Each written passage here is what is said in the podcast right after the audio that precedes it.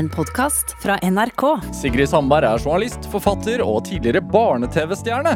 Hun har skrevet 18 bøker om alt fra fjellklatring og kvinnelige polarhelter til lysforurensning og trær. Og hun har bosatt seg på en eplegård i Sogn. Hennes siste prosjekt var å ro Sognefjorden fra ytterst til innerst i en gammel robåt på jakt etter ro. Dette er Drivkraft med Vegard Larsen i NRK P2. Sigrid Sandberg, velkommen til Drivkraft. Tusen takk. Hvordan har du det? Jeg er litt nervøs. Nei, hvorfor det? Uh, en hel time. Uh, jeg, må, jeg, må, skjerpe meg og, uh, så jeg ikke babler for mye om tøys og tull. Men altså, du, du traff deg utenfor her og sa sånn Jeg vet jo ikke om jeg har noe å komme med. Og så, så hadde, har vi stablet opp inne i studio her sånn hauger med bøker du har skrevet. Så noe har du jo på hjertet? Ja, jeg kan fortelle om det. Det, det skal gå bra. Ja. Absolutt. Men du, eh, du har bosatt deg litt sånn spesielt, fordi eh, når, når, du er her i dag nå, så bor du litt i Oslo? Ja, jeg pendler fra Oslo. Jeg har eh, barn her.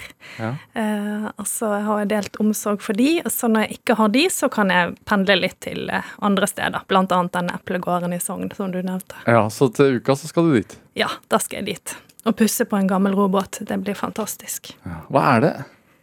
Eplegård? Ja. Hva, hva er det du får ut av det? Nei, altså det er jo en helt ny dimensjon i mitt eh, forhold til naturen, egentlig. Det å kunne på en måte være ute og bevege seg og samtidig gjøre noe nyttig. Eh, det syns jo jeg er bare helt eh, Det er noe Det er virkelig en ny dimensjon som har kommet de, de siste årene. da, At man kan oppnå liksom den samme følelsen som man får når man er ute på tur og ute eh, på fjellet. At man kan få den følelsen av å holde på og, og Plukke gjøre, epler? Ja, plukke epler. holde på, ordne og styre, rydde eh, luke Altså gjøre de tingene ute, og så allikevel få denne her eh, flytfølelsen, kontakten med naturen, alt dette som vi er avhengig av og opptatt av. Ja. Hvor mange epletrær er det? Nei, det er over 400 epletrær. 428 epletrær, eh, tror jeg at jeg talte en gang. Mens han som hadde den gården før, han han drev med litt sprøyting og sånn. Så vi, eh, vi, holder på å liksom eh, legge en plan og legge litt om nå, da. For vi har ikke lyst eller kunnskap nok til å sprøyte så mye, da. Nei. Så vi har lyst til å, å, drive eh, økologisk. Så da blir det en liten omrokering. Men det, det, er nok. Det er nok for oss. Når var det du tok over den? Nå er det vel Var det i 2017? Eller 2016. Og så hadde vi noe allerede på den stranda der, da, så ble vi kjent med han naboen som skulle gi seg, og så, og så overtok vi den etter hvert, da. Mange drømmer jo om å gjøre sånne ting. Altså bor i by, og så drømmer man egentlig om et lite små, småbruk. Ja, det er en veldig, det som... veldig vanlig drøm. Ja, var, ja. Det det, var det det, for deg òg? Ja? Uh, ja, altså det har jo ligget liksom intakt en sånn altså Jeg bod, uh, vokste jo opp helt ytterst i Sognefjorden, og dette her eplegården ligger jo helt innerst. Så jeg har jo hatt en sånn uh, lengsel tilbake og ut, og byen har jo ofte for meg vært litt sånn kompromissaktig. at det er der man på en måte får utdannelse, og det er der man får jobb, kanskje. og Uh, og nå bor ungene mine her, så nå er jeg jo her, uh, selvfølgelig, uh, innimellom. Så, så, Men liksom den lengselen ut, den har jo vært der absolutt hele tiden. Og tilbake kanskje òg, da. Ja, Så du, du, liker det at du har den der muligheten, altså hytte i byen, på en måte? Ja, ja, ja, og det er mye mindre det vi har i byen. Ja. Altså det, det, er jo bare en bitte liten leilighet. så så det er, det er jo det jeg liksom undersøker litt i denne her siste boka òg. Hva er egentlig hjem, sant, og hvor hører man til? Og vi som har drevet og flyttet litt rundt, og, og hvorfor er det så viktig dette her for oss, og, og, og hva legger vi i ordene, og, eh, hva slags eh, følelser er det som kommer opp når vi begynner å snakke om disse tingene? Der jeg prøver å reflektere litt rundt, da. Ja, Du sikter til boka di som heter Ro, eh, rett og slett? Ja. ja. Den åpner jo med et sitat fra Sondre Bratland som er, som er sånn eh, Jeg lengter lengter alltid hjem når jeg er borte. Men jeg lengter også hjem når jeg er der. Ja, ja. jeg syns det er helt nydelig. Hva betyr det for deg? Det, det, er jo litt trist. Uh, akkurat det kan leses litt trist, men jeg syns også at det er noe veldig vakkert med det. Eh, fordi at det betyr at hjemme kan være flere steder, og det kan være, eh, og det kan være liksom en følelse som du har inni deg. sant? At det kanskje er liksom hjem og på en måte lande litt i seg sjøl. Eh, så jeg får veldig mye tanker av eh, Det er jo, det er jo fra en sang eh, som, eh, som jeg syns er helt nydelig, og som setter i gang masse refleksjoner hos meg. da, Og det er jo også det jeg prøver på i boka, da. Mm. Eh, å reflektere rundt hva disse begrepene betyr, sånn at leserne på en måte også kan på en måte reflektere rundt det i sitt eget liv. da. Hva er hjemme for deg, da? Nei, det er jo også da spørsmålet. Er det noen svar i den boken? Er det ikke noen svar? Er det bare refleksjoner? Altså for meg så Jeg, jeg føler meg jo veldig der jeg er, da. Mm. Altså når jeg er i byen, så føler jeg, og jeg er med ungene mine og, og med mannen min, så føler jeg virkelig at nå, nå er jeg hjemme. Og så kanskje det har noe med personer å gjøre, hvem du er med. Eh, men så føler jeg meg også veldig hjemme ved fjorden der, og kanskje det har mer med landskapet å gjøre, og med fjellene og fjorden, som er veldig sånn gode faktorer for meg, da. Eh, så jeg tenker at Altså, jeg har ikke egentlig noe sånn endelige svar, og det er litt av greia med det jeg holder på med, da. At jeg, jeg har mange spørsmål, men så er ikke det alltid at jeg liksom kommer frem til veldig tydelige svar, og det føler jeg på en måte er litt min livsoppgave, å være litt i den undringen og på en måte nærme meg svarene, men ikke presentere de sånn oppsummert og klart og tydelig alltid. Eh, nettopp for en grunn for å, for å sette i gang den type refleksjoner hos leseren. Dette er Drivkraft med Vegard Larsen i NRK P2. Og i dag er eh, forfatter og journalist Sigrid Sandberg her hos meg i Drivkraft med NRK P2. Altså, du eh, snakker jo om, om uh, Sogn og Sognefjorden altså, og, og, og, boka di, Ro. Um, du, du, bestemmer deg altså for å ri Nei, ri, sier jeg! Ro! Eh, å ri fjorden hadde vært vanskelig. Føltes kanskje sånn noen ganger. Men å, å ro Norges lengste fjord Eh, også Norges dypeste, er det ikke det? Verdens dypeste. Ja, verdens dypeste. Mm. Hvordan, eh, hva, hva, var det som satte i gang den ideen? Og verdens nest lengste. Nei, altså, det er jo mange forklaringer alltid på på hvorfor man begynner med ting. Og jeg tror jo først og fremst at dette henger sammen med liksom litt hvordan jeg har jobbet, jobbet de siste 10-15 årene, da, med at det dukker opp noe som jeg bare syns Som jeg lurer, vil finne ut av, og så må jeg bevege meg ut for å, å, prøve å finne noe svar, da. Hvordan er det å ro Sognefjorden? Kan jeg ro Er det mulig å ro en gammel båt fra der hvor jeg vokste opp, og til der jeg bor nå? Hvorfor var det viktig at den skulle være gammel? Eh, nei, altså, det er jo noe med at jeg blir gammel sjøl, da. At jeg kjenner at de der eh, gamle tingene Altså, de får en større verdi for meg, og jeg føler at det er og jeg blir redd, altså Det er så mye kunnskap der som jeg er redd for å gå tapt. Så plutselig så, altså Jeg fikk ikke bare lyst til å ro, da, det var jo liksom én ting. Jeg fikk lyst til å ro, men jeg fikk også lyst til å liksom fortelle fjorden, da.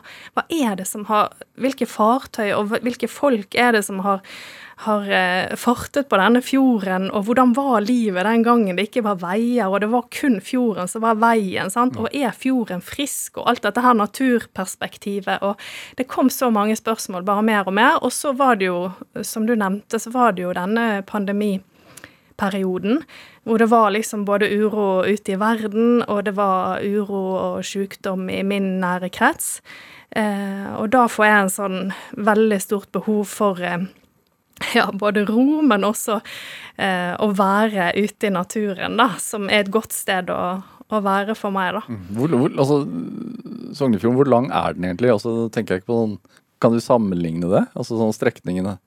Ja, altså det er jo Og det måtte jeg også finne ut av, for det var så mange, var så mange tall på det, da. Ja. Eh, hvor lang er den egentlig? sant? Og det var noen som ble helt sånn, har kontaktet meg etterpå. Jeg har vokst opp med at denne Sognefjorden er 205 km, og du skriver at den er mye lenger. Og, så jeg kontaktet jo Kartverket da, for å få liksom eksakte tall, og ja. da er det jo sånn eksakte tall, ja, fins det?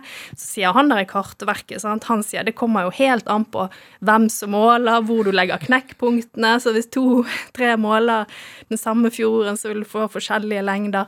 Eh, så sånne ting syns jeg er veldig interessant, sant? for vi liker jo liksom å tro at eksakt kunnskap fins om alt mulig, men det gjør jo ikke det.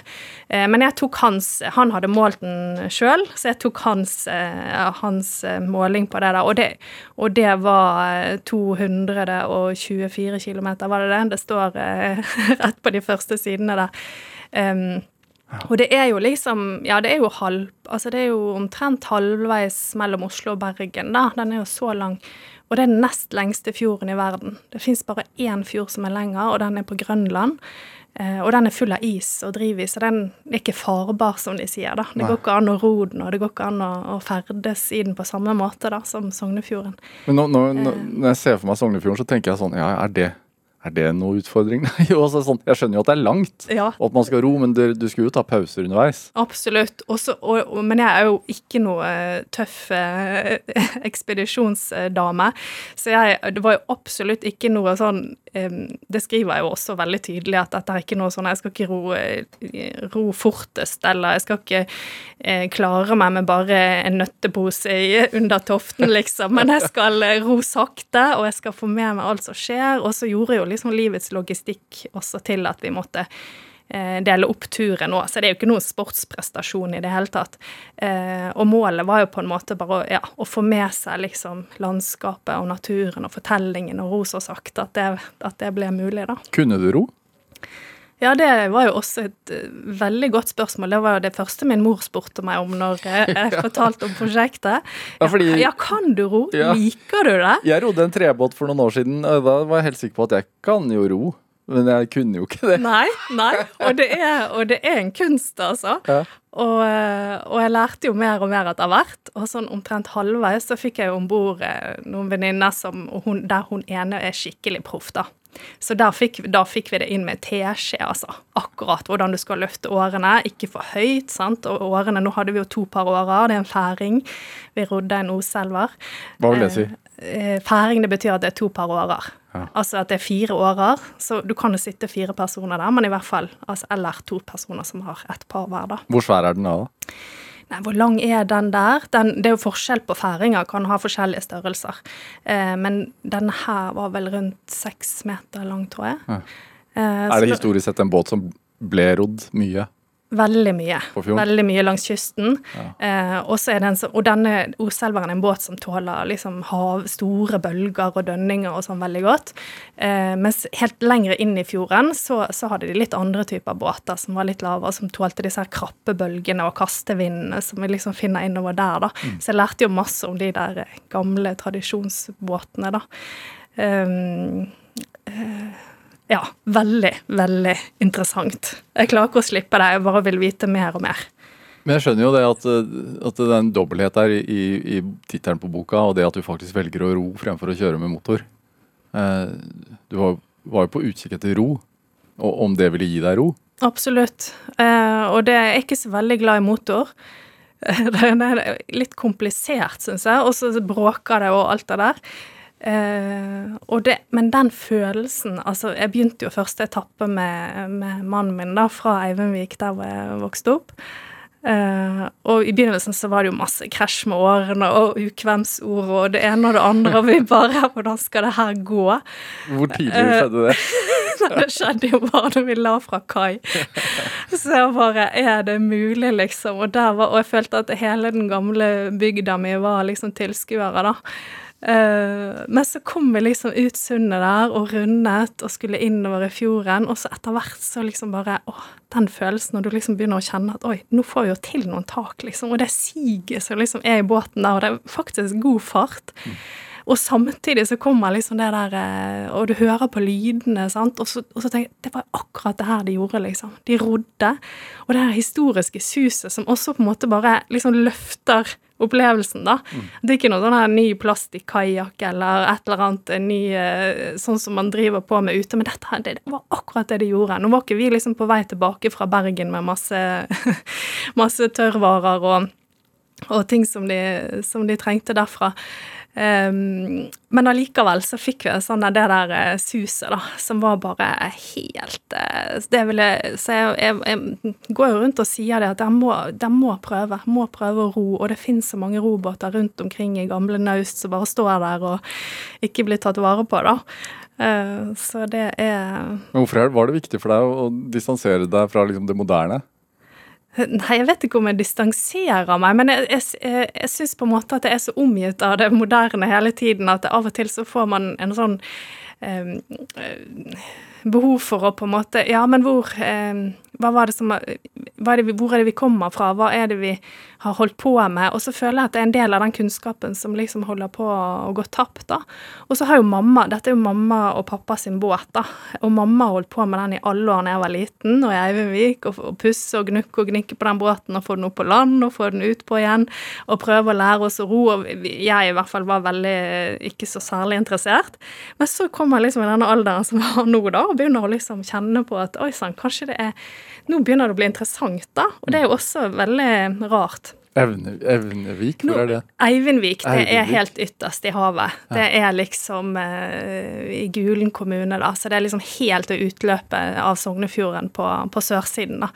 Eh, så der var jo Det skriver jeg også om i boka, da. Det, det er ganske berømt, faktisk. Fordi at det var gamle Gulatinget lå jo der, som er liksom det første eh, første lovtinget vi hadde, som eh, annet Alltinget på Island er bygd opp etter modell av. Og så var jo Henrik Wergeland kom jo seilende der i 1832 og skrev et fantastisk dikt om Eivindvik. Eh, så, det, så der, der vokste jeg delvis opp, da. Mm. Så det er en historiebok også, Ja, på mange det vis. er, Er det, det, du, du beskriver noe som du kanskje ikke hadde vært borti før, men sånne kastevinder og fallvinder og sånn. Fordi jeg ser, Som jeg sa tidligere også, når jeg ser for meg det å ro i Sognefjorden, så ser jeg for meg liksom blikkstille vann og, og høye fjell på hver sin side. At uh, dette går jo rolig og pent for seg. Ja, og man tror jo det, sant, at det er en veldig sånn fredelig fjord og Men altså, Henrik Wergeland han skrev ikke bare dikt om Eivik, han skrev også dikt om Sognefjorden, da. Og da skrev han faktisk det. Den har vært dødens gjest. Den har redet på en torden som har pløyet Sognefjorden fortun fra til Sognefest. Så han, han var virkelig ute i en so Selv om han eh, seilte med en sognejekte, så var det storm, og han, eh, og han syntes det var helt forferdelig skummelt. Eh, så man skal ha så respekt Ja, for, og, for det opplevde du noe av det? Ja, altså vi hadde jo Vi lå jo værfaste blant annet en og en halv dag eh, på den første etappen, hvor vi bare Det her er ikke Vi har rodd for lite i sånn båt til at vi kan takle det her eh, eh, Disse bølgene her, liksom. Da gikk det skikkelig hvitt utpå. Eh, og så rodde en etappe fra Ortnevik til Vik, som er omtrent midt i fjorden, da. Og da var vi litt sånn tvunget av logistikken til å, til å ro, da. Og da var det mye vind, vindmelding, eh, og vi fikk en nordvest eh, kuling, eller det som verre var. Eh, vi hadde jo liksom med oss vind litt på skrått, men da var det høye bølger, altså. Så det skriver jeg om i boka, det er et kapittel om eh, natta i, Nordvesten, da.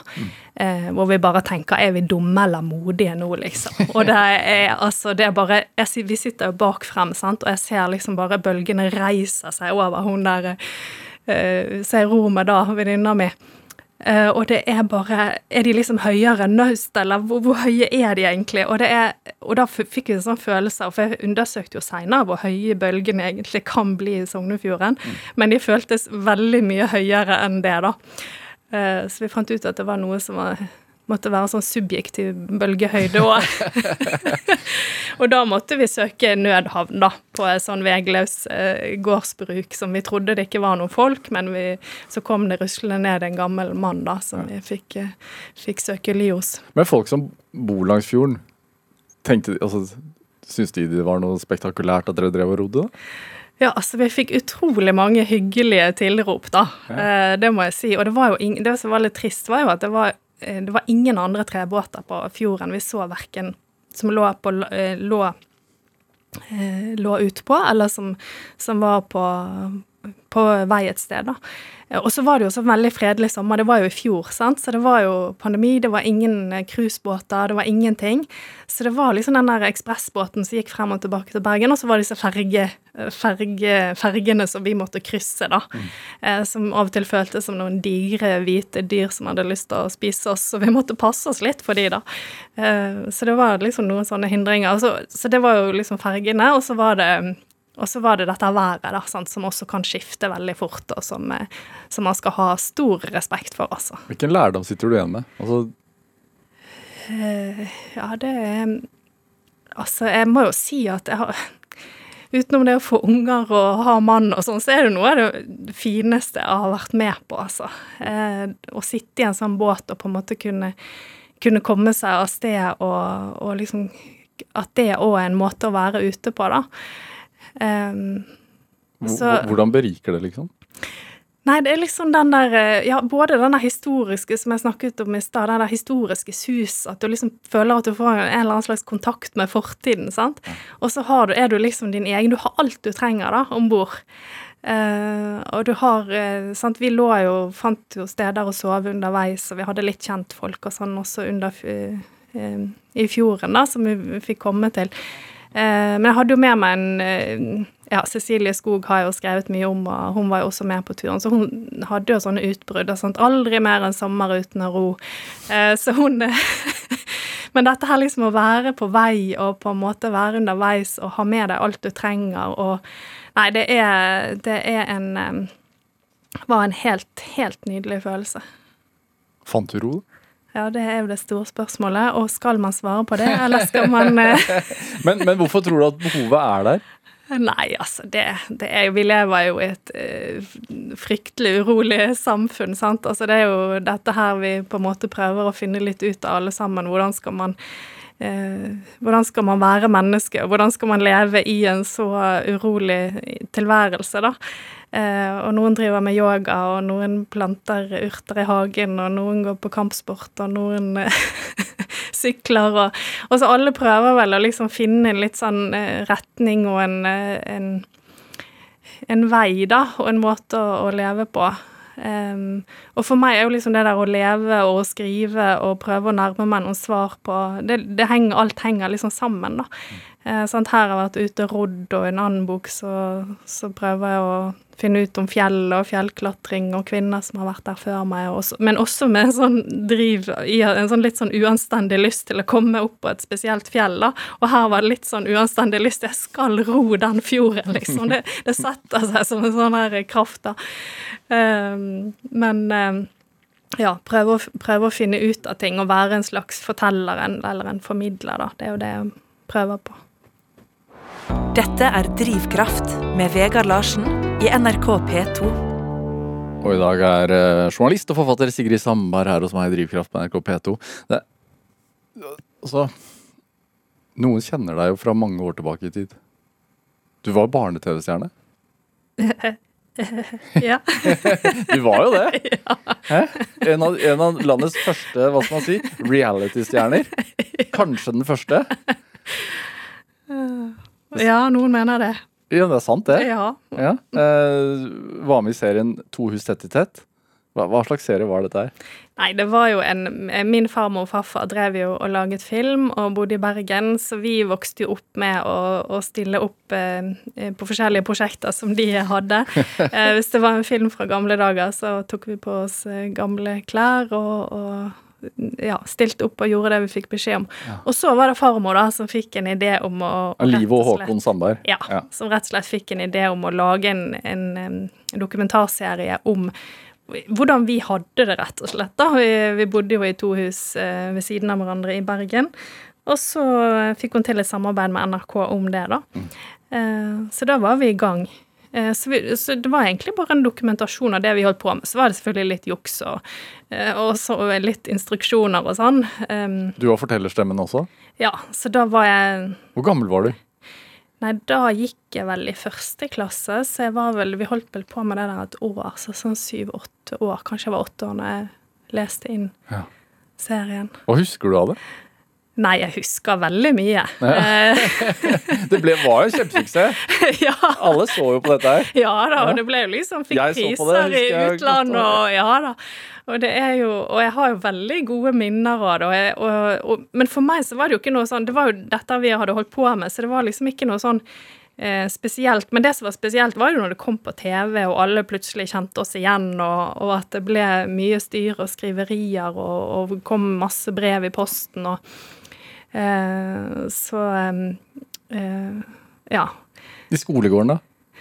Ja, der òg var det jo mye. Og så flyttet vi jo til Eivindvik eh, ikke så lenge etter den første første serien, da, To hus tett i tett. Så det, det, gjorde jo at alle liksom kjente oss der òg, på en måte, plutselig, da. Så, men vi kjente jo ikke de, så ja. Nei da, så det, det var en sånn litt sånn pangsjokk i forhold til liksom Og det var jo NRK sin enhetstid da, sant. Det var ikke så mange andre kanaler, og eh, Så det var litt sånn eh, eh ja, sånn er det å være kjendis. så da ja, Hvordan opplevde du det? Nei, altså, Jeg, jeg syns jo det var helt, helt, greit, da. For det var jo veldig positivt. sant? Altså, ja. Alle var jo veldig sånn 'Å, sant, å, så kjekt', og eh, Det var ikke noe sånn masse stygge kommentarfelt eller liksom. sant? Det var jo ingenting av det, og alle syntes det var veldig gøy. og eh, men jeg husker at jeg fikk en sånn følelse når vi satt på de der og kom liksom aviser og skulle ta bilder av oss. Jeg husker at jeg jeg satt liksom med et sånt smil som var helt sånn stivnet, liksom sånn Ja, nå må vi smile. Og så, og så tenkte jeg eh, OK, sånn er det, og dette er gøy, men er, er, vil jeg liksom ha det sånn videre? Ja. Og da fikk jeg en sånn følelse av at det, det kan jeg liksom være med på å bestemme sjøl, da. Eh, og jeg trenger liksom ikke å Eller folk trenger ikke å kjenne meg igjen resten av livet, for nå vokser jeg og blir eldre og, og forandrer meg litt, i hvert fall, da, selv om noen kjenner meg litt igjen fortsatt eh, fra det, da. Eh, så når jeg kom på Journalisthøgskolen, og alle ville liksom drive med TV og sånn, så, så, tenkte jeg litt sånn Nei, jeg er ferdig med TV. men, hva, men, serien var jo én ting, men hva, hva, hvordan hva slags hjem er du fra, egentlig? Altså sånn, Det vi så, var jo en virkelighet. Men, ja. men, men, men, men hvordan vil du beskrive Sandberghjemmet? Absolutt. Nei, altså det er jo litt sånn Det er jo var litt sånn kaoshjem, da, sant, med alle jobbet og altså Og til og med farmor og farfar, liksom, sant, og farmor hadde alltid vært i full jobb, og og mamma og pappa er i full jobb, og um, og, og veldig sånn uh, men altså, jeg, jeg, kan bare Altså, jeg husker at det var et godt sted å være, og at det var Altså, selv om alle holdt på med masse forskjellig, så, så var det liksom eh, eh, Det var et godt sted å være. Vi flyttet jo til Eivindvik da jeg var ni, eller ja, åtte-ni. Mm. Um, og da var jo mamma første kvinnelige sognepresten i Bjørgvin bispedømme, da, sant? og biskopen var imot kvinnelige prester, og prosten var imot kvinnelige prester. Så, og, det, og det har jeg liksom ikke helt skjønt før i ettertid, at, det, at hun, var, liksom, hun, var, ganske sterk, da. Mm. Og det var jo egentlig farmor òg. Hun var jo også liksom en av de første kvinnelige regissørene i Norge. Og, eh, så jeg tror liksom de der har eh, gitt meg en sånn selvtillit på at eh, eh hvis det er noe du vil yrkesmessig, så kjør på, liksom. At det ikke er noen begrensninger, liksom. Ja, ja uuttalt. Liksom. Ja, også liksom den der viljen til å fortelle også har jo liksom, eh, tror jeg, også med meg derfra. At jeg liksom driver og forteller, og at jeg liker det, da. Ja. Um, men altså, ja, altså, det er jo sånn, Mamma var jo prest, så det var jo en, en, en, eh, var en for, form for sånn kristen sosialisme-greie vi vokste opp i, da, sant? men veldig sånn fokus på at uh, vi må gjøre noe for verden, og vi må, sant? vi må hjelpe andre, og ja.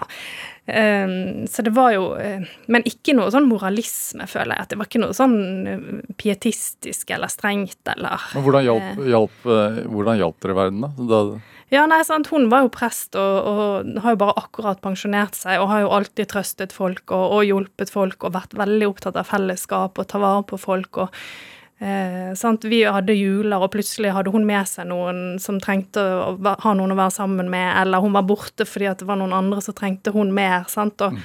min far har jo vært lege og eller er lege og, og, professor og har liksom hjulpet folk virkelig sånn konkret og, og, fysisk, da. Og min søster er jo blitt lege nå, og så jeg har jo alltid følt litt sånn på at ja, hjelper jeg andre godt nok, liksom? Er det, jeg føler liksom mer sånn indirekte, liksom. Sant? Ja, jeg skriver og, eh, og håper selvfølgelig at noen kan på en måte lære noe og, og få noe ut av det, da. Men, men, det er alltid en sånn der eh, følelse Er det eh, Jeg burde, burde, gjort mer, liksom. Jeg burde hjulpet folk mer direkte. Med, eh, ja. Den der trangen etter å fortelle historier, altså siden ja, besteforeldrene dine gjorde det, og, og, og moren din på, på sett og vis har gjort det, er det er det bare en del av personligheten, eller er det altså du bare merker at det bobler? Ja, absolutt. Og, og, det, og, det, er så mye som jeg, lurer på, og jeg har så masse spørsmål inni meg. Og så vet jeg at jeg er liksom litt for utålmodig til å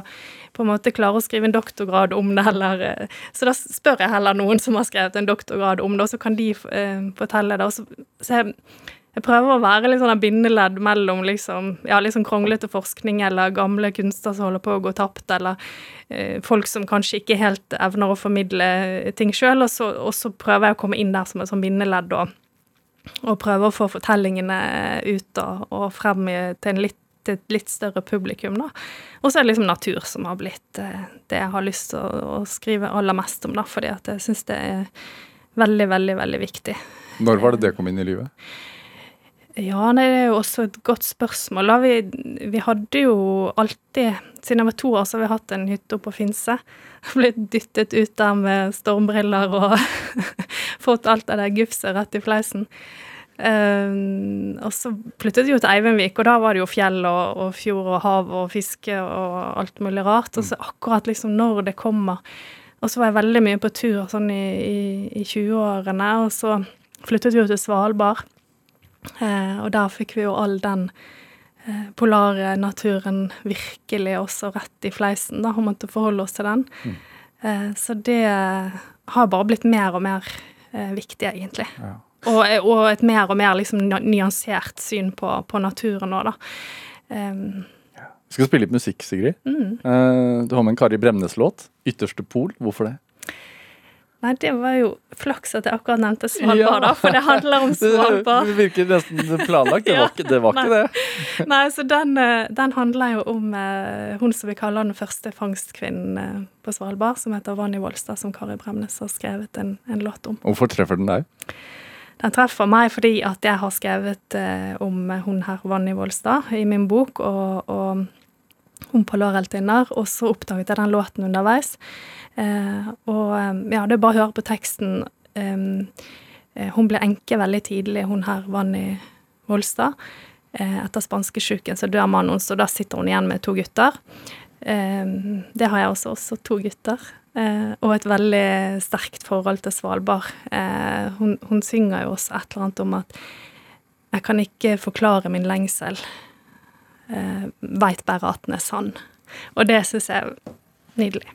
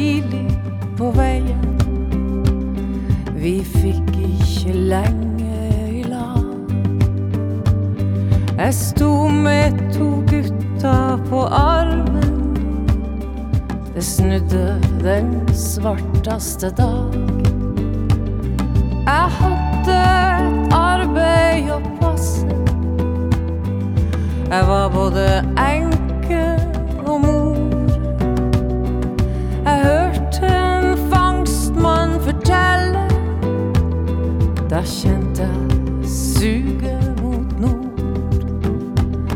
Da kjente jeg suget et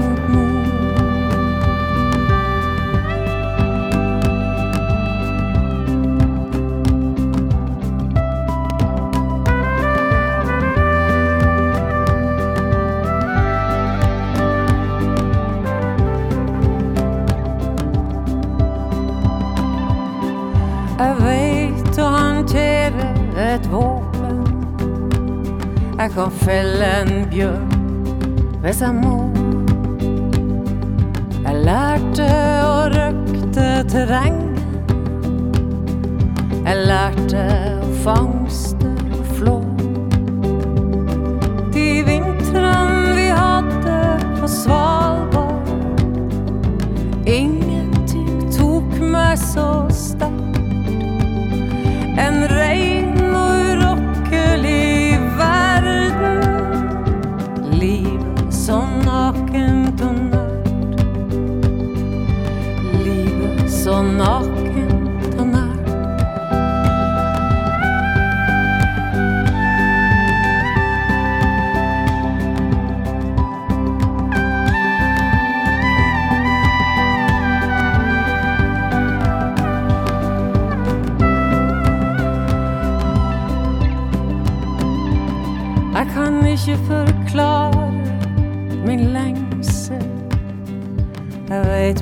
Bare at den var sann. Jeg hadde det kartet som lyste og viste en vei og et land.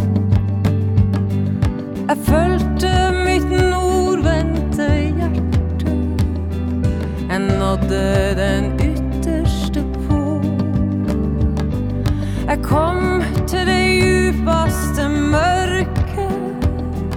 Jeg kom til ei flammende sol. Jeg kom til ei flammende sol. Ja, Du fikk en smakebit av Kari Bremnes sin låt 'Ytterste pol' her i Drivkraft på NRK P2. Kari Bremnes har for øvrig også vært gjest i Drivkraft. Du kan finne det intervjuet i arkivet vårt. Men i dag er altså Kari Bremnes sin låt valgt av dagens gjest her i Drivkraft, nemlig journalist og forfatter Sigrid Sandberg. Jeg skjønner jo at uh, teksten treffer deg, da. Eh, hun, hun synger altså 'suget mot nord'. Uh, det å bo på Svalbard i ni år, hva har du et sug mot Svalbard fremdeles? Ja, mannen min har i hvert fall det. Uh, og jeg tror alle som har bodd på Svalbard og, og har fått et forhold til Svalbard, har store problemer med å, å bli kvitt, kvitt det suget, altså. Hvorfor det? Har du vært der sjøl? Nei, jeg har ikke det. Nei. Da må du dra dit, så kanskje du skjønner det. kan, men kan du forklare? Nei, det er jo det, det er litt sånn som Kari Bremnes synger, da. Jeg kan ikke forklare helt min lengsel. Men eh, Og så prøver man jo allikevel, da, å eh, finne ord og, og musikk og, og uttrykk som på en måte kan, kan forklare det litt. Og jeg prøver å skrive. Jeg har skrevet en god del fra Svalbard. Ja. Du bodde der i ni år. Ja. Hva, hva, hva var det mest utfordrende? Eh, utfordrende er kanskje at det er langt til resten av familien. Eh, hvis det skjer noe, og hvis det er Da er det en, en lang flytur. Mm. Um, uh, men det er liksom den her Altså, du har Det er en sånn nærhet til naturen da, som jeg aldri har opplevd noe annet sted. Altså, du er helt em, du er så tett på, da. Og, du, og folk kommer jo opp der av alle mulige slags rare grunner, og med kanskje litt feil grunner av og til. Og, og det er liksom det været og den vinden og det store, evige mørket da, som er om vinteren. Det er jo så mørkt.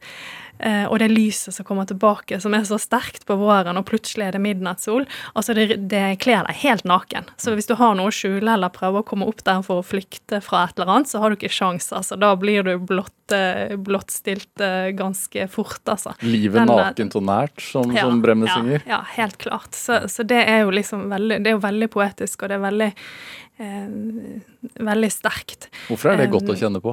Nei, altså for noen er det godt, og for andre er det forferdelig. Og, og sant? Det, det er eh, Arno Holm skrev en gang om det. em, altså at det er så farlig. altså Det er så mange farer der oppe. sant? Det er isbjørn, det er breis, det er eh, orkan, det er eh, Og så er det koblingen, men det er ekstremt vakre. da. Altså sant? Breene som, som stuper i fjordene, og nordlyset og midnattssola som henger der eh, rød over eh, fjorden. Og så koblingen mellom det farlige og det vakre, da, det, da kan det oppstå sånt begjær da, som er liksom helt ekstremt sterkt, rett og slett. da. Eh, Men det er jo mange som har gått til grunne der, og det er mange som blir fortvilet der. og så det er utrolig interessant å undersøke. da. Og det var jo litt av det jeg gjorde i den boka om de damene. da, fordi at når jeg kom opp der, så hadde jeg litt sånn ambivalent forhold til polarhistorien vår, og det var så utrolig mye tøft, og det var så utrolig mye eh, kulde og fæle historier, og, og mannfolk som eh, okket seg og hadde strevd noe helt vanvittig hit og dit. Og så begynte jeg å, å få kontakt med liksom disse historiene til disse damene, og så ser jeg liksom at de skildrer dette på en litt annen måte, da. Og da ble jeg utrolig nysgjerrig. Hvordan da? Eh, nei, fordi de, jeg syns at de er ærligere på en måte både med sin glede over å være der, Eh, og, og, at det, kan, det liksom kan være fint. Eh, og de er ærligere om sin eh, ensomhet, og de er ærlige eh, De har et annet språk, rett og slett, mange av de, da. De som, som, som har sagt noe og skrevet noe om det. Eh, så jeg syns at de liksom utvider og nyanserer den polarhistorien eh, vi kjenner, da. Og da ble det utrolig interessant å, å få lov å skrive de historiene. Eh, blant annet om hun Vanny Volstad, da. Du, eh, du, hun er jo en, og så, så, har du jo skrevet bok med Cecilie Skog, eh, og om Cecilie Skog, eh, også, som, som, jo også er en kvinne som søker, hva skal man si, begjærer det farlige og det vakre, da, på et vis. Absolutt. Absolutt. Hun er, hun er en real tøffing. Men hvorfor tror du at Altså, Har du det i deg? Har du det begjæret? Ikke på, ikke på samme måte som disse her eh, ordentlige eh, ekspedisjonsfolka som liksom er villige til å ofre alt og bare for å komme seg dit, hit eller dit, eller Men liksom det der hverdagslivet i naturen og altså mange av disse fangstkvinnene og altså Det var jo både fangstkvinner og det var forskere eh, som jeg har skrevet om, da, eh, som dro opp dit. Um, og noen av de har jo en litt sånn høyere himmel over seg. Altså den første kvinnelige forskeren på Svalbard, som heter Hanna Resvold Holmsen, da hun har jo på en måte et prosjekt. sant? Hun skal finne ut av ting, og hun, hun er med på de vitenskapelige ekspedisjonene som gjør at Norge faktisk får suvereniteten over Svalbard da i 1920.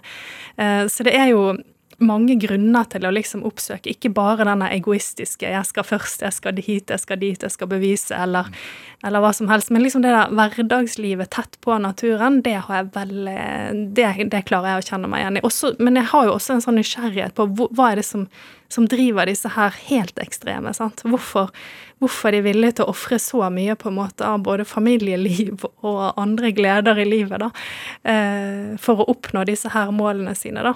Har du funnet noe svar på det? Eh, nei, jeg prøver å nærme meg. I forskjellige sjangre, som sagt. Så, så liksom, ja.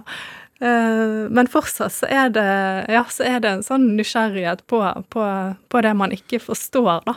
Men, men når du er ute på, på dine naturopplevelser, så uh, resulterer det jo ofte i en, i en bok eller en tekst. Gjør, hva gjør det med naturopplevelsen? Nei, altså det er jo den måten jeg kan være ute på. Og det er jo? For jeg har jo eh, Det er jo det jeg på en måte lever av nå, da, å finne en slags problemstilling, også, eller noen folk jeg har lyst til å skrive om, eller um, noe jeg har lyst til å finne ut av, og så drar jeg ut og, og prøver å nærme meg disse her svarene. Og selvfølgelig, det kan jo være altså, sant, at jeg alltid sitter med en liten bok og, og noterer, men det, altså, for meg går alt litt sånn her i ett, på en måte. Mm. Uh, er det Ja, har du fri nå snart? Har du sommerferie? Og altså alt, alt bare Jeg aner ikke om jeg har hatt ferie. eller eller, hatt liksom, Jeg har aldri talt noen timer siden jeg sa opp min siste faste jobb og alt det. Og jeg har egentlig ikke følt at jeg har vært på jobb heller. Eh, fordi at det er på en måte bare ting jeg har lyst til å finne ut av, og ting jeg har lyst til å gjøre. Og, og måten å komme meg ut på, som jeg er avhengig av, det, er, det, det kan jeg gjøre fordi at jeg kan skrive om det. Mm. Eh, så jeg vet ikke helt hvordan jeg skal Skriver du for å komme deg ut, eller kommer du deg ut for å skrive? Ja, kanskje begge deler. Ja. Eh, jeg tror det henger sammen. Hvorfor er det en god liksom, arbeidsmåte, eller sånn måte å leve på? Nei, altså jeg Altså, jeg, jeg sluttet jo et, Jeg hadde jo begynt på et hovedfag, het jo den gangen, sant, i, i nordisk da, språk og litteratur, og, og hadde begynt på det når jeg fikk jobb i, i Dagens Næringsliv. Eh, og så dro jeg til Svalbard og fikk jobb i Svalbardposten, og så kom jeg tilbake og lurte på om jeg skulle fullføre det hovedfaget. Så sitter jeg med han veilederen min, og så hadde jeg de planene om at jeg skulle reise hit og dit og snakke med masse folk, og, og så sier jeg ser på meg, og så sier han bare 'Sigrid, alt du trenger eh, for den oppgaven, den er her'. Og så rammet han inn Blindern med, med hendene sine, da. Og da ble jeg bare helt All energi bare sank ut av meg. Og så tenkte jeg nei, drit i det. Da finner jeg heller ut ting på egen hånd. Alt jeg lurer på, alt, det kan jeg skrive om, og det kan jeg For da hadde jeg liksom litt kontakter rundt omkring, og, eh, og han ga meg en sånn følelse av at, at, at det hovedfaget bare var en sånn akademisk øvelse, et sånt prosjekt som Det var ikke nødvendig egentlig å finne ut så mye, bare du visste hvordan du skulle fremstille det og, og skrive det på, da, og finne det akademiske språket. Og da tenkte jeg det, det er jeg faktisk ikke interessert i. Eh, da da gyver jeg ut på, på egen hånd. Ja, Så ro, som du har skrevet om nå, er, er egentlig ikke noe du søker? jo, absolutt. Jeg tror alle, alle trenger ro. Men jeg tror ikke eh, at alle må ut på Sognefjorden for å finne det. Men, men eh, altså, du har blant annet også skrevet en bok om lysforurensning. Eh, og, og der byr du jo på egen mørkeredsel. Eh, hvor mørkeredd var du før du skrev den boka? Ja, altså, det er mange som har lurt på det. Um, for noen syns at det kan virke litt tøff. Uh, til og med han fastlegen bare lo når jeg fortalte om det prosjektet, og nei, det tror jeg ingenting på at du er mørkeredd. Men det, men det var jeg, altså. Uh, og det har jeg alltid vært. Uh, og kanskje også, også, redd for å være alene, da. For jeg har vært veldig lite alene i mitt liv. Det har alltid vært masse familie og masse søsken. Tre søsken og, masse, og Ja, for vi er fem stykker. Ja, fem, fem, ja. ja.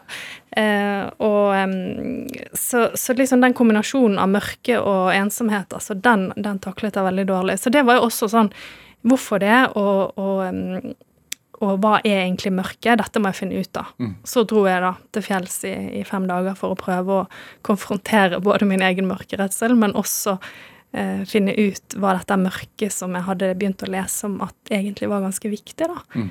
Eh, hva det egentlig betyr. Og så fant jeg jo på en måte ut at det, det, er, jo, det er jo helt essensielt. Men ly eh. lysforurensning, det høres jo ut som tull, men det er veldig reelt? Ja, det er veldig reelt. Og det er jo alt fra liksom, lys på bygninger, og, men også liksom inne, sant. Alt. Altså den lysforurensningen som er i Oslo nå, for eksempel, sant? den er jo så sterk at uh, den går 20 mil ut av Oslo. Og der, altså, du kan ikke se Melkeveien, da, som er vår egen galakse. du må 20 mil ut av byen for å få et, få et syn av den, da. Og det er jo ja, hvem har egentlig sett Melkeveien? Jeg tror det er veldig mange som ikke aldri har sett Melkeveien. Har du sett Melkeveien, kan du huske det? Ja. ja. Jeg føler jo det. Ja. Men jeg tror det er veldig mange barn, blant annet, som vokser opp nå i dag, som ikke helt vet hva det er. Og er det viktig, kan man jo spørre. Sant? Det er jo litt mer sånn filosofisk, da, men, men det som er, er Hvorfor er det viktig for deg? Altså For meg er det det er mer sånn bilde på på en måte hva, hva den lysforurensningen gjør. Eh, og jeg syns jo det er en fantastisk opplevelse å stå under en tent stjernehimmel og bare Ja, du kan ikke si Jeg kan ikke si at ja, man føler seg så liten og bla, bla, bla, for det blir jo helt Det er den største klisjeen. Men, men allikevel, jeg tenker liksom Fy fader, det var her. Her begynte det. Og nå ser vi liksom opp på stjerner som er døde, og vi ser på Som har dødd for tusenvis av år siden. Og det var liksom her det begynte, og vi er jorden og også en stjerne. Altså du får de, de, store tankene, da, og det tror jeg er helt nødvendig av og til.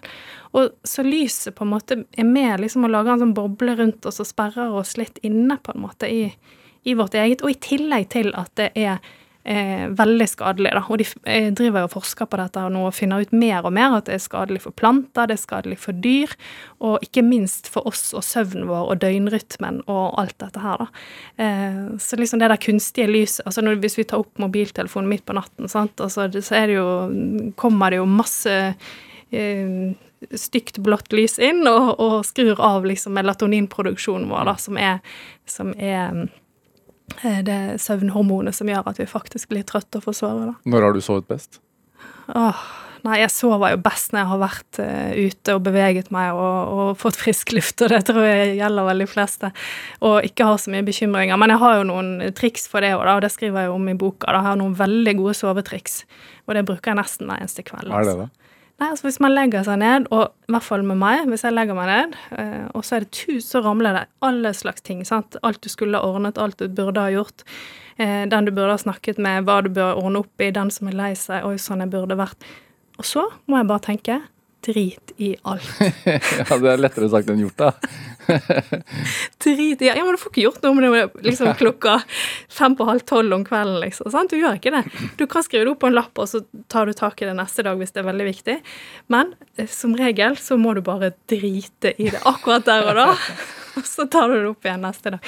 Og så er det en annen hvor jeg liksom bare, jeg bare prøver å slappe av i hele ansiktet. Og liksom. Så jeg har noen sånne triks da, som jeg går igjennom. Mm. Men er, Hvis det altså, blir for heftig. er det Jeg leser jo også den boka inn som en slags sånn si, kritikk mot det, det, mo- den moderne livsstilen, eller moderne mennesket?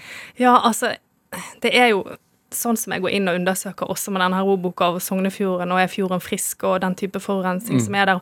Altså, det er jo en sånn eh, som jeg oppdager egentlig alt jeg holder på å skrive om, at menneskene har jo, holder jo på og herjer, og er jo utrolig intelligente og utrolig dumme på samme tid, liksom, sant? Altså, for de greier ikke å se liksom denne helheten, da.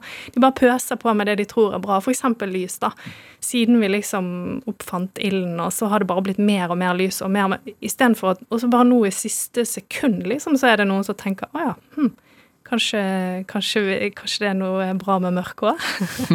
kanskje det ødelegger noe. Og det, det er jo noe med det her, vi utrydder dyr, vi, vi forkludrer med økosystemer, og alt for liksom egen For at menneskene skal få det bedre, da. Og det er da jeg blir helt sånn der fortvilet. Ja, men hvem skal snakke trærne sin sak? Hvem skal Trærne har ikke noen representant på Stortinget, sant? Grevlingene har ikke noen representant.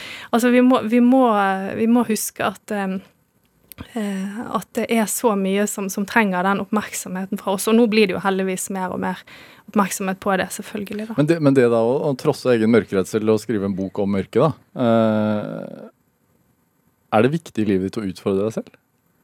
Ja, litt. Hvorfor det? Men jeg er jo ikke i nærheten av like tøff som søsteren min, eksempel, eller Så jeg Men jeg må utfordre meg sjøl litt, og kanskje Kanskje jeg gjør det mer i tekst enn jeg gjør det eh, Sånn, altså, Jeg er ikke den tøffeste, så Jeg var på sånn eh, rafting med gutta mine i sommer, og da var de veldig skuffet over at jeg ikke hoppet fra den høyeste klippen, eksempel. Hvor høy var den? Det var jo sikkert åtte-ni Ja, det syns jeg. Det, var, det, det burde du lett gjort. Så da neste dag når vi skulle gjøre sånn klatregreier, så måtte jeg bare tøffe meg skikkelig opp og gjøre alt som de gjorde da. Men, eh, men eh, altså akkurat den der å, å liksom skulle eh, Jeg tror jeg er mer sånn på å utfordre meg sånn tekst- og sjangermessig og, og pushe på noen grenser, da, men ikke, er jo ikke noen tøffing i det hele tatt. Og det, og det jeg skriver jeg om i den fjellboka mi fra Jotunheimen, 'Frykt og jubel', så skriver jeg om høyderedsel og om eh, sant, Så jeg er jo veldig sånn Jeg prøver å få kontakt med Det er jo veldig mange som skriver om alt tøffe ting de har gjort, liksom. Sant? Men jeg, jeg prøver å ha en litt sånn annen inngang, at det, det, det er mange som er mørkeredde, mange som er høyderedde. Altså, Allikevel så kan vi være ute. Det er mange som ikke er verdensmestere i ro, men allikevel så kan vi ligge utpå der og duppe og ha det fint. Du, du har jo gikk gjennom isen på Finse for noen år siden, f.eks. Ja, Du har jo opplevd noen sånne absolutt. litt Ja sånn da, skremmende naturopplevelser, da? absolutt. Så stor eh, respekt for naturen, altså. Ja. Eh, og ja, så var det jo en stor orkan på, på Svalbard òg som vi ble reddet ut ifra. Og det, det er jo noe med de der um, opplevelsene der som, som um, nyanserer, på en måte. Det er jo ikke noen sånn naturromantiker som bare Ja, bare alle kommer seg ut, så er det fantastisk, liksom. Det, det er eh, Og der òg er det veldig mye god eh, eh, lærdom fra disse fangstfolka på Svalbard, da. Det var blant annet en som sa at mennesket vinner ikke over slike realiteter som en storm.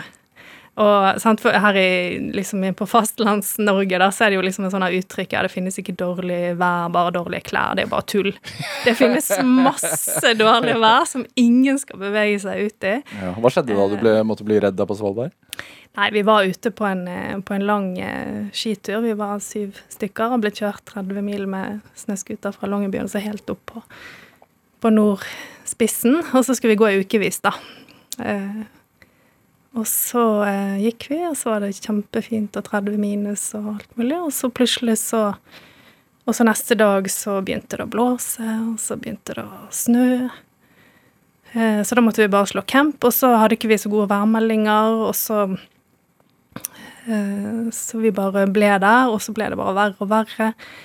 Og eh, så kom ikke så, Den snøen som kom, var liksom ikke lenger sånn lett og fin, men det var liksom sånn våt betongsnø da, som bare festet seg. da, Så plutselig var skiene borte, som hadde stått på høykant.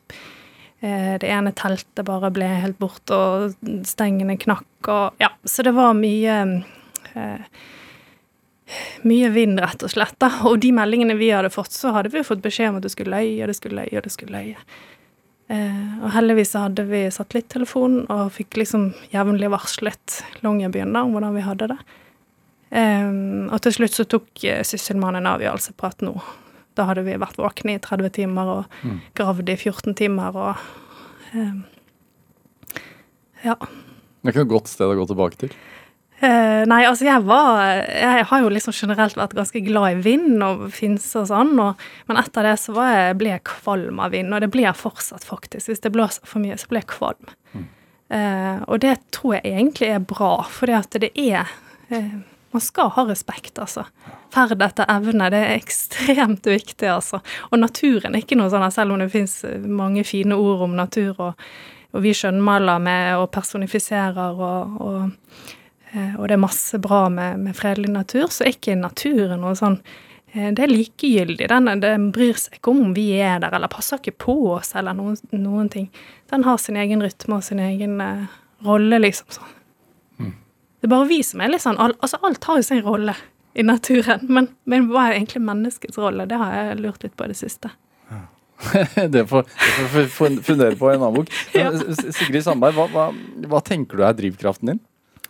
Nei, det er jo et veldig stort spørsmål, og det jeg har jeg tenkt litt på det. Og det kan jo liksom være både undring og spørsmål, og, og det kan være liksom kjærlighet til natur, det kan være eh, ønske om å formidle. Ja, det er noe sånt, tror jeg. Uansett, tusen takk for at du gjør det du gjør, og tusen takk for at du kom hit til Drivkraft. Takk for at jeg fikk komme. Hør eh, flere samtaler i Drivkraft på nrk.no, eller i appen NRK Radio. Der kan du laste oss ned som podkast. Send oss gjerne ris og ros og tips til mennesker du mener har drivkraft. Send den e-posten til drivkraft.krøllalfa.nrk.no. Vi hører veldig gjerne fra deg. Produsent og researcher i dag var Kjartan Aarsand. Dette er Dette var Drivkraft. Jeg heter Vega Larsen. Vi høres. En podkast fra NRK. Hei, jeg heter Kaveh Rashidi og er lege. Har du tenkt over hvor skillet går mellom det å være syk og frisk? Hei, jeg heter Veronica Danielsen og er fysiker. Visste du at det grønne nordlyset kan være et varsel for en stor katastrofe? Hvordan påvirker egentlig alkohol kroppen vår? Jeg heter Alexander Santov og er kjemiker. Podkasten Burde vært pensum hører du først i appen NRK Radio.